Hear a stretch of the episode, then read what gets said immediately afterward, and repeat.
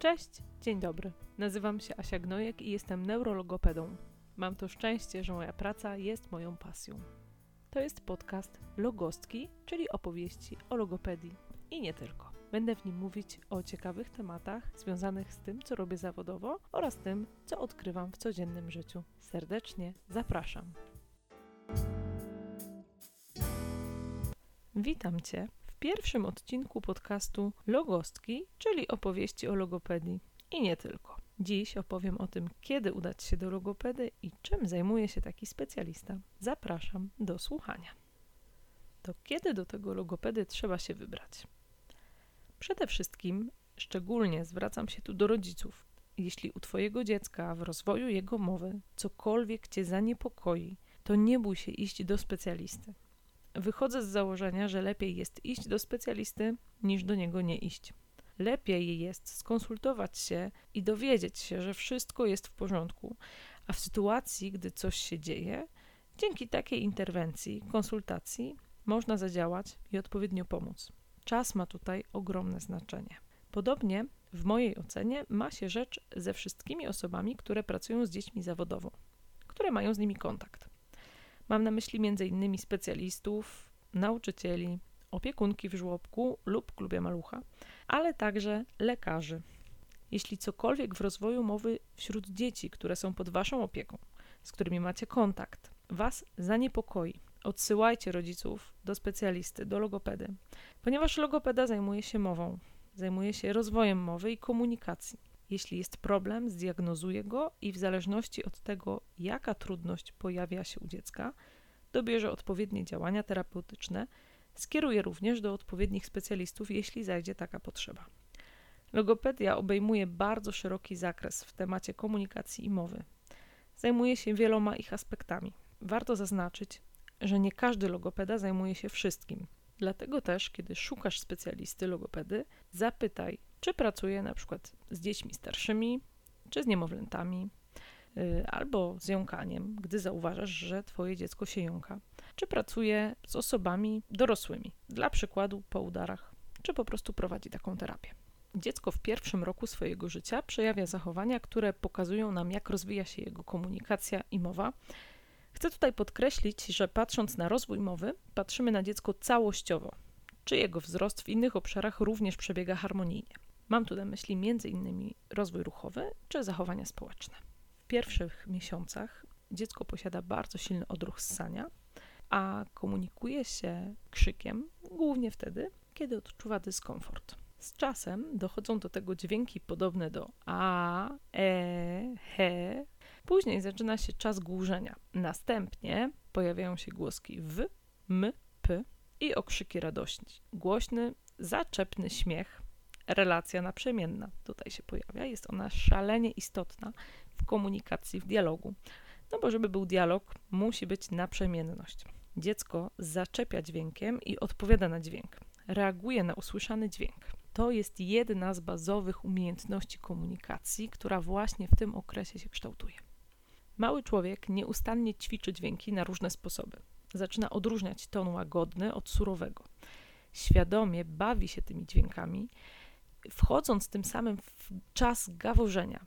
To są łańcuchy sylab, które są wyraźne i rytmiczne. Odróżnia też osoby znane od obcych. Dochodzi do tego zabawa natężeniem i wysokością wydawanych przez siebie dźwięków. Pojawia się szept i następnie wyraźna artykulacja podwójnych sylab. W tym czasie również dziecko staje się uważnym obserwatorem czynności, jakie wykonują dorośli. Lubi bawić się w akuku.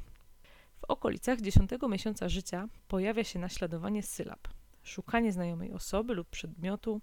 Dziecko spełnia proste polecenia, naśladuje gesty, cieszy się aprobatą ze strony dorosłego. W jedenastym miesiącu zaczyna reagować na zakazy i artykułuje pierwsze sylaby, które mają dla niego sens, niosą jakieś znaczenie. Na przykład brr będzie oznaczało auto albo że coś jedzie. Skończony dwunasty miesiąc życia to pierwsze proste, sensowne słowa: mama, tata, da, je, baba, i w tym czasie dziecko również rozumie proste polecenia, na przykład daj lale, gdzie auto. Używa gestów w komunikacji, posiada gest wskazywania palcem. Jak da się zauważyć, pierwszy rok życia dziecka to stopniowe wylewanie fundamentu dla komunikacji i mowy.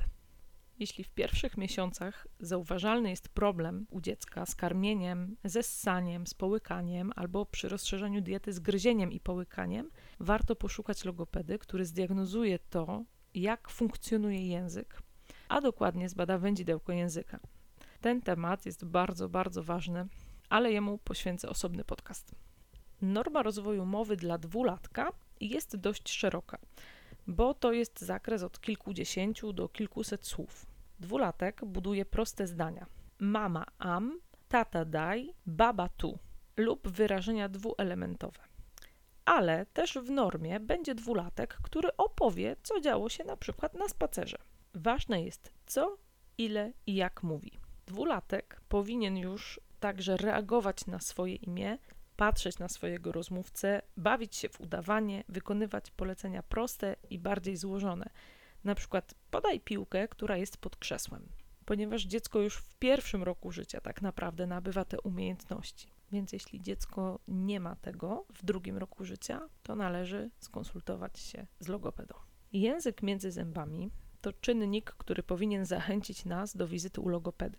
Gdy dziecko oddycha przez usta, śpi z otwartymi ustami, należy sprawdzić, dlaczego tak się dzieje. Prawidłowy tor oddechu to tor nosowy. Oddychamy prawidłowo przez nos. Kiedy Twoje dziecko pokazuje palcem zamiast mówić, a już powinno komunikować się za pomocą słów, trzeba sprawdzić, co jest przyczyną tego, że dziecko nie mówi. Gdy dziecko skończy 3 lata i jest niezrozumiałe dla otoczenia, jego mowa jest niezrozumiała, lub też mówiło i przestało mówić, nie komunikuje się werbalnie w różnych sytuacjach lub miejscach, zaczęło się jąkać, zacinać w wypowiedzi, mówi przez nos, ślini się, ma problemy ze słuchem lub jest pod stałą opieką laryngologiczną, albo przez jakiś okres czasu było, nie rozpoznaje, nie nazywa przedmiotów z najbliższego otoczenia, nie buduje zdań bardziej złożonych, zauważalny jest jakiś zastój w jego rozwoju językowym lub jakiś regres, jest coś, co niepokoi, co może wskazywać na to, że z jego rozwojem mowy coś dzieje się niedobrego, należy jak najsprawniej skonsultować się z terapeutą mowy.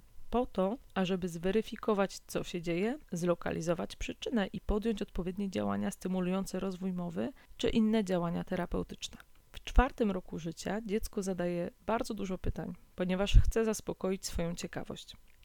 Zauważa proste związki między przyczyną i skutkiem różnych działań i sytuacji. Jego mowa jest zrozumiała dla otoczenia, Taki człowiek w czwartym roku swojego życia ma bardzo bogatą wyobraźnię i potrafi skupić swoją uwagę na jednej czynności lub na jednej zabawie około 10-15 minut.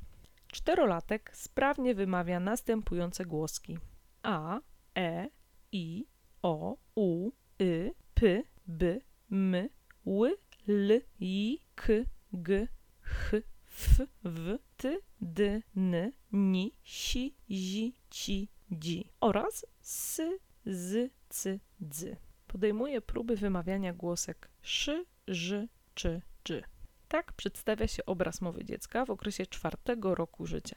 Jeśli zauważyłeś jakieś odstępstwa, braki, zaburzenia tego rozwoju lub wydarzyły się jakieś zewnętrzne bodźce, które wpłynęły na zahamowanie wzrostu mowy czy komunikacji, to są sygnały, które powinny skłonić nas do wizyty w gabinecie logopedy. W piątym roku życia dziecko powinno osiągnąć już sprawność w wypowiadaniu głosek szy, czy dży, natomiast w szóstym pojawia się głoska ry. Jeśli w początkowym okresie wczesnoszkolnym zauważalne są wyraźne problemy z czytaniem, pisaniem lub koncentracją uwagi, dziecko myli podobne do siebie litery, np. p z b, w czytaniu lub w pisaniu, to również jest wskazaniem do konsultacji z logopedą. Uważam, że jeśli zauważymy jakieś trudności u dziecka z mową na każdym etapie jego rozwoju, coś nas niepokoi, to tak jak już mówiłam Wam wcześniej, zachęcam do tego, żeby nie bać się szukać pomocy u specjalisty. Gdy dziecko nabyło jakąś umiejętność i zauważalne jest to, że jej nie ma, że ją utraciło, konieczna jest pilna interwencja. Gdy Wasze dziecko ubezdźwięcznia mowę, czyli nie realizuje głosek dźwięcznych, mówi na przykład półka zamiast bułka, to też trzeba to zweryfikować, zbadać przyczynę. No ale logopeda nie pracuje tylko z dziećmi, ponieważ są logopedzi, neurologopedzi, którzy pracują z osobami dorosłymi. I teraz chciałabym powiedzieć kilka słów o tym, kiedy z osobą dorosłą warto się do logopedy udać, lub kiedy osoba dorosła sama może się do takiego specjalisty zgłosić. W sytuacji, kiedy mamy problemy z wyraźnym mówieniem lub płynnością mowy, na przykład osoby jąkające się albo nieprawidłowo wymawiające jakąś głoskę i ta nieprawidłowa wymowa w jakiś konkretny sposób wpływa na funkcjonowanie, hamuje taką osobę w chęci kontaktów z innymi, przeszkadza jakoś w codziennym funkcjonowaniu. Jeżeli chcemy zadbać o higienę głosu, szczególnie gdy tym głosem pracujemy, Dotyczy to na przykład nauczycieli albo mówców. Warto poszukać logopedy, który pomoże nam z prawidłową emisją głosu, tak aby nasz głos się nie męczył. Osoby pracujące na scenie, aktorzy, wokaliści czy prezenterzy, zwykle intensywnie pracują nad ustawieniem, czyli impostacją i używaniem, czyli emisją głosu i prawidłową artykulacją właśnie z logopedą. Jeśli ktoś chce poprawić swoją wymowę, również może spotkać się z takim specjalistą. Dorośli, u których występują zaburzenia komunikacji po uszkodzeniach mózgu, udarach czy wypadkach albo różnych zabiegach operacyjnych w obrębie krtani czy ust, po których wymagana jest rehabilitacja logopedyczna, również mogą skorzystać z pomocy specjalisty logopedy albo neurologopedy. Osoby, u których została zdiagnozowana choroba układu nerwowego, która upośledza proces mowy, doprowadza do afazji czy dysartrii. Takimi schorzeniami są np. demencja, otępienie, choroba Alzheimera czy Parkinsona. Wówczas taka terapia neurologopedyczna polega na tym, aby pomóc poprawić jakość komunikacji, co przekłada się na polepszenie funkcjonowania i jakości życia takiego pacjenta i jego najbliższych. Logopedia zajmuje się szeroko komunikacją i mową na wielu płaszczyznach. Dlatego też specjaliści w tym fachu mogą pracować zarówno w oświacie, jak i w opiece zdrowotnej. Dziękuję Wam bardzo za uwagę. Do usłyszenia. Zapraszam do śledzenia Instagrama Logostki.